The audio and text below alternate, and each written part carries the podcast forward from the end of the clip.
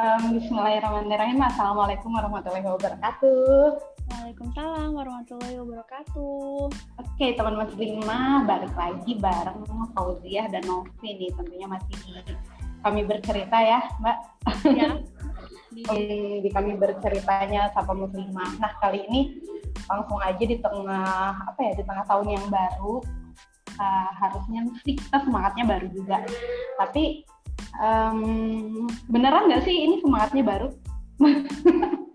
nah ini kayak kayaknya kita mesti nanya nih ke teman muslimah beneran nggak semangatnya baru atau cuma slogan-slogan aja atau gimana?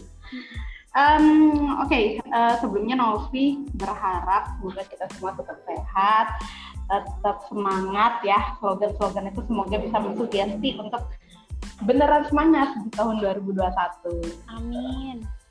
Nah, uh, balik lagi tentunya masih di kami bercerita. Kita pengen cerita-cerita nih kali ini cerita tentang apa nih? Cerita dari uh, sudut pandang kita mm-hmm.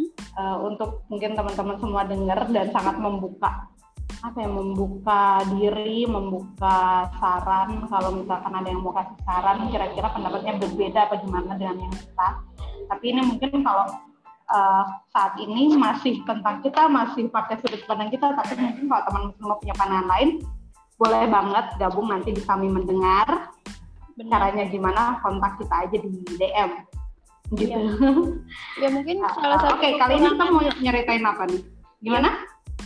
Ya enggak aku mau bahas itu tadi uh, yang soal teman muslimah yang mau ikutan kasih pendapat. Oh.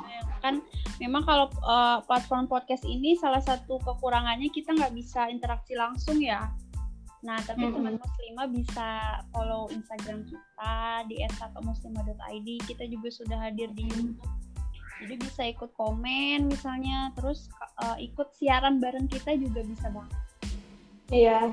Kami mendengar. Ya kalau mungkin uh, bisa tentang apa aja gitu kita saling mendengarkan dari dan untuk kita. Kalau mungkin berbeda dengan pandangan kita yang sekarang, mungkin kita bisa bicarakan baik-baik. Pengennya sih di meja makan, tapi lagi nggak memungkinkan, jadi kita di meja masing-masing aja dah. Kita di, di ruang virtual. Iya. Oke, okay, um, kami bercerita kita kali ini uh, mau bahas-bahas sesuatu yang kita semua kalau kurasa sih hampir semuanya ngerasain ya. Bohong kalau misalkan bilang oh aku nggak pernah ngerasa ini gitu. Ngerasa apa sih? Ngerasa insecure. Oh itu dia uh, keywordnya malam ini. Oh malam ya kita rekamannya malam. Oh iya. Iya teman-teman. Kita rekamannya malam via zoom. Gimana nih soal ngomong-ngomong soal insecure? Nah iya Vi. Uh, kalau insecure ya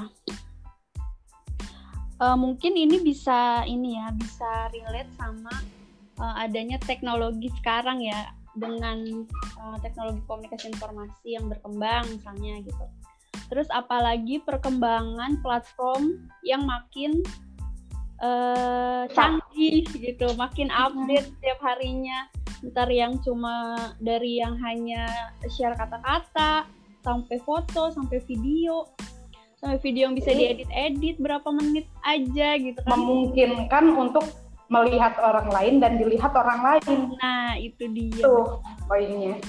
Iya itu terus, dan, iya dan tadi yang uh, Novi bilang ya teman memungkinkan banget media sosial itu uh, kita dilihat dan melihat orang lain. Nah kalau menurut Fauzia dan sepengalaman Fauzia ya rasa insecure benar tadi kata Novi nggak mungkin nggak ada sih di diri orang apalagi di usia-usia quarter life crisis ya waduh itu beda lagi rasanya ya iya uh. jadi uh, kita jadi tahu gitu ya uh, karena media sosial ya kalau apa alasan eh, alasan istilah klisenya mungkin mendekatkan yang jauh menjauhkan yang dekat gitu ya hmm. tapi di satu sisi kita jadi tahu apa yang menjadi kehidupan misalnya teman kita, rekan-rekan kita, bahkan orang-orang yang tidak kita kenal sama sekali gitu. Uh, ketemu di media, uh, uh, sorry di dunia nyata aja nggak pernah, tapi kita tahu loh kehidupan dia gitu, kehidupan mereka. sampai misal tidak hanya kehidupan sehari-hari tapi juga soal misalnya keputusan hidup gitu. Nah, insecure itu kan sebenarnya uh, rasa yang uh, apa ya kalau di bahasa simpelnya ya kok gue nggak kayak dia ya gitu kan. Kalau oh, ya. bahasa ininya ya Via ya nggak sih? Bener nggak sih? Rendah hati eh rendah diri ya. Iya. merasa rendah diri itu. Itu insecure iya. itu kan uh, tren kata-kata dua tiga tahun terakhir. Iya. Kalau zaman sekolah rendah diri. Apa bedanya rendah diri dan rendah hati anak-anak? Iya bu guru iya. Ya, jadi intinya merasa rendah diri ya kan? Mm -mm, rendah diri gitu kan. Karena karena membandingkan diri dengan orang lain. Nah itu. Nah tadi ya poin membandingkan diri dengan orang lain tuh sebenarnya ya kalau dari hmm, apa belajar ilmu psikologi itu sebenarnya jahat sih. Kita sama diri iya, iya. jahat jahat banget. Kalau jadi ini babnya zolim sama diri sendiri. Iya. Karena uh, kita tahu lah uh, waktu orang beda-beda uh, apa jalan hidup dan lain-lain tuh beda-beda gitu. Ih kok jadi berat sekali rasanya gitu kan. Nah uh, jadi ya itu uh, uh, salah satu alasan yang paling ini sih ya uh, kenapa insecure tuh menjadi bahasan yang hmm, hype apalagi di kalangan milenial atau teman-teman yang seusia kita ya menghadapi tapi bentar deh kita coba uh, jalan ke belakang sedikit mm-hmm. kalau mbak Paul sendiri pernah nggak ngerasa nah pernah lah pernah banget aku hanya ya pernah Vi diikuti dengan tren kata-kata uh, aku mah apa tuh gitu. Nah, itu dia. itu mem-mem dulu ya banyak banget ya. Aku mah apa tuh gitu yang ya. benang merahnya adalah uh, merasa insecure.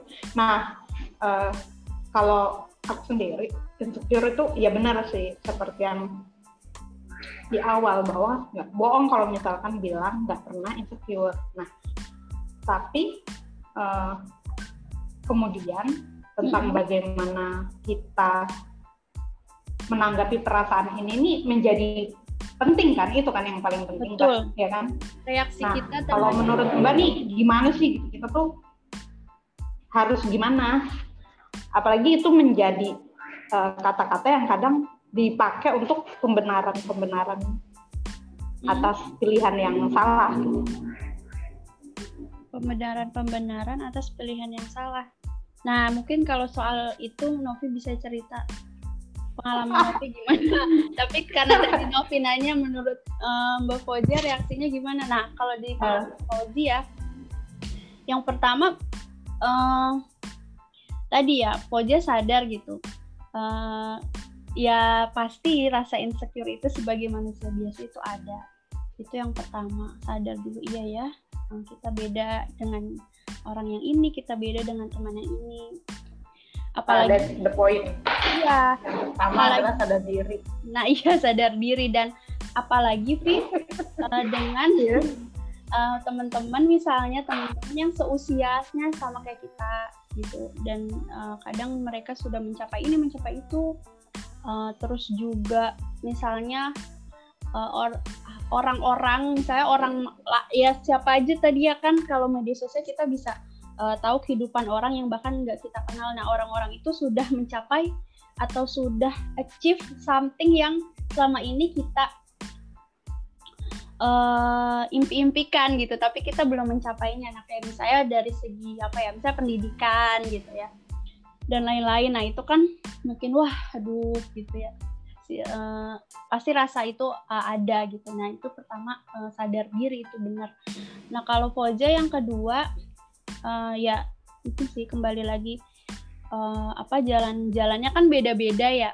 Hmm, dan siapa pun uh, Novi atau teman muslimah yang sedang mendengarkan ini uh, pasti nanti ada waktunya sih kalau Foja yakin gitu. Karena bertambahnya usia bertambahnya kedewasaan. Wede berat sekali.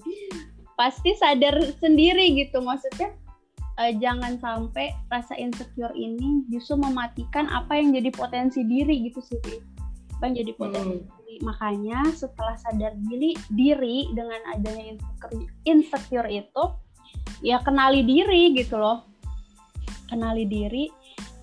Kalau Foja ya ininya uh, dari dulu tuh paham bener deh sama diri sendiri soal apa yang jadi kelemahan kita apa yang jadi kelebihan kita. Nah dari situ mulai deh untuk improve. Kalau ada skill yang perlu di improve ya improve. Terus uh, orang-orang yang bikin kita insecure itu kalau ada hal-hal yang baik misalnya ya tentu harus kita pelajarin gitu. Karena sebenarnya media sosial itu kan sama aja kayak hal-hal yang hadir di hidup kita nih. Kayak misalnya takdir gitu-gitu. Pokoknya sih ng ngeliatnya gitu sih media sosial juga maksudnya takdir kita di sebagai generasi milenial ya. Kita tuh punya ini loh punya apa ya keistimewaan loh uh, dengan adanya kemudahan itu gitu. Nah makanya uh, itu juga masuk dengan uh, apa reaksi kita soal itu gitu mau dibikin untuk belajar mau dibikin untuk uh, insecure doang gitu atau hal-hal yang lainnya gitu nah makanya itu pilihan ya jadi. nah iya itu pilihan kan hidup itu adalah reaksi YWD oh hidup adalah reaksi dari dari, dari Iya dari apa yang terjadi kita. Dari kehidupan itu sendiri kan? Iya dari kehidupan itu sendiri. Gitu. Aduh berat sekali ngomongin kehidupan. Iya berat sekali ya ini ngomongin kehidupan. Nah Merasa makanya tidak berkapasitas. Iya. ya tapi kan kita ber, ini dari pengalaman ya. Nah ngomong oh, iya. soal pengalaman, Koja juga pernah. Perempat abad hidup di dunia. Nah. atas uh, pengalaman itu gitu ya? Iya atas pengalaman itu ya bijak-bijak lah bersosial media gitu sih Vi. Kalau perlu jeda ya jeda dulu misalnya ih kok kayaknya saya jadi lebih ini ya nggak jadi nggak konsen sama belajar misalnya. Ke konsen sama kerja gara-gara uh, ngeliatin apa update nya teman-teman gitu. Dan itu menurut setuju banget sih tadi. Mm -hmm. dengan poin-poin yang kenali diri terus kemudian ya memilih gitu kan memilih reaksi kita seperti apa tuh memilih. Jadi yang pertama mengenali diri. Um, kayak misalnya begini uh, kita akan berhenti membandingkan jika kita tahu batas kita gitu loh setuju hmm, gitu nah uh, meskipun nggak tahu sih kalau orang lain ya mm -mm. meskipun kayaknya sulit gitu kalau untuk mencegah uh, untuk nggak membanding-bandingkan diri dan orang lain itu tuh sulit. Iya. Cuman karena kita mengenal diri kita, kita meredam sendiri gitu loh, nggak perlu dibantu apa meredam diri tuh nggak nggak perlu dibantuin orang. Kita udah bisa memanajemen perasaan kita gitu. Nah, iya. Itu aku setuju banget makanya uh, tentang poin kenali diri yang kemudian dibarengi dengan pilihan kita sadar kalau kita tuh bisa memilih gitu atas uh, apa yang terjadi apa yang kita alami gitu misalnya ya contoh kecilnya kayak misalkan nah ini nih yang lagi rame kan um, kebetulan kemarin kan baru aja tuh uh, berpulang guru kita Syari Jaber. Yang pelajaran yang paling kita dapat itu saat kasus dia ditusuk. Beliau itu memilih untuk bereaksi. Beliau kan memilih untuk bereaksi untuk ya. Nah dari dari kejadian itu kita tuh bisa lihat oh oh uh, reaksi pilih uh, reaksi itu tuh pilihan gitu. Loh kita bisa memilih reaksi uh, mau memaafkan atau tidak mau marah atau tidak itu tuh pilihannya di kita gitu loh. Nggak kita jangan memberikan apa ya seakan-akan pilihannya tuh di orang. Uh, orang yang mukul kita jadi kita harus marah gitu karena orang mukul kita gitu. Jadi itu kan uh, akhirnya yang memilih itu orang lain memukul kita atau enggak gitu loh iya. Pilihannya tuh di kita mau marah apa enggak gitu kan. Hmm. itu setuju banget soal uh, pilihan lagi-lagi pilihan bagaimana kita bereaksi atas uh, banyak hal yang terjadi gitu. karena memang kita nggak nggak melulu bisa menyalahkan apa ya menyalahkan lingkungan gitu. Menyalahkan zaman menyalahkan keadaan uh, mungkin memang lingkungan tuh berpengaruh ya bukan mungkin pasti.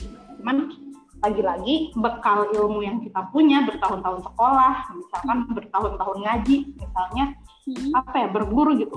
Gunanya tuh untuk hal-hal ini gitu loh ya kan? Iya, benar, nah, jadi balik lagi makanya ya yang nggak berhenti belajar sih yang pasti. Nggak berhenti belajar. Apa ya bahasanya kayak mengosongkan kelas gitu. Iya. Uh, tarbiyah madahayah sih Insya Allah. Ya. gitu. Belajar sepanjang hidup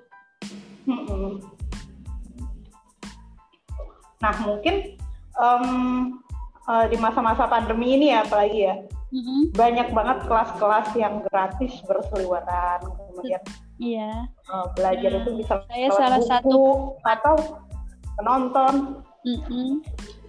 nonton gitu ya iya. uh, kadang-kadang ada satu film yang mungkin uh, orang lain nontonnya dia dapatnya apa tapi kalau kita bisa kita pasti bisa dapat yang lain gitu. Tergantung sudut pandang gitu. Jadi uh, bahkan dari tontonan juga kita bisa dapat banyak yang mungkin kita pengen pelajari. Gitu. Jadi hmm. sebenarnya uh, wadah belajar itu banyak kan artinya gitu.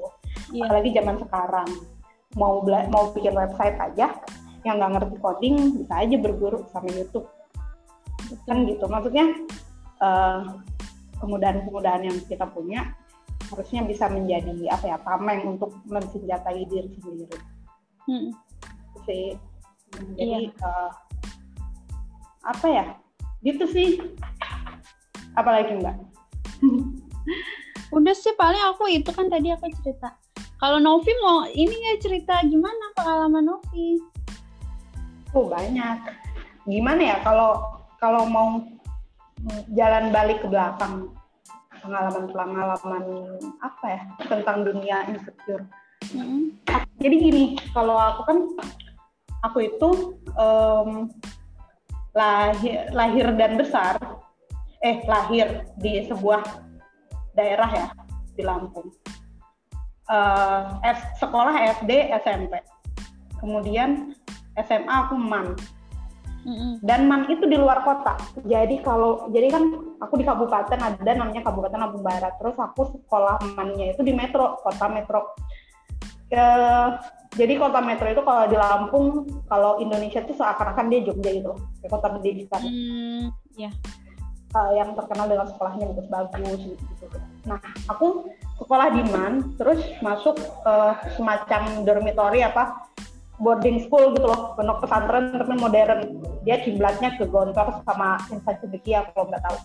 Pokoknya tipe-tipe miniaturnya itulah. Nah, dari SD SMP yang mungkin aku bersinar uh, apa secara pendidikan hmm. itu ketika masuk teman aku ngerasa kayak kecil gitu loh ya nggak sih ngerasa kecil karena teman-teman pada pinter ya banyak yang lebih pinter secara bahasa, secara eksak, uh, pinter seni gitu ya. Hmm.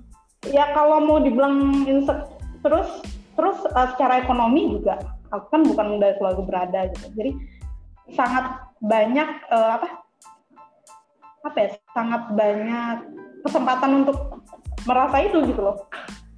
Nah kemudian ketika kuliah bukan di kuliah apa di kampus yang bagus juga gitu biasa aja uh, kemudian banyaklah hal-hal yang um, memberikan kesempatan untuk kemudian ngerasa demikian. Makanya aku bilang kan sejak awal bohong kalau bilang nggak pernah ngerasa gitu. Tapi uh, lagi-lagi uh, aku cukup bisa mengenali diriku sendiri. Ya bukan mem membanggakan diri ya tapi artinya iya. ternyata saya mampu gitu loh. Ternyata iya. saya mampu saya saya cukup berhasil menurut standarku sendiri sih nggak tahu standar orang. Saya cukup berhasil saya bisa uh, cukup mengenali dan cukup bisa memilih oh gini ya caranya. Oh ini ya yang pilihan yang harus saya tempuh gitu kan. Gimana sih rasanya kuliah apa kerja apa gitu kan? Ha, maksudnya uh, jiwa-jiwa ada jiwa-jiwa kompe apa jiwa-jiwa apa ya Jojo kayak nggak mau kalah tapi ternyata harus ngalah dalam beberapa kondisi demikian gitu. Iya.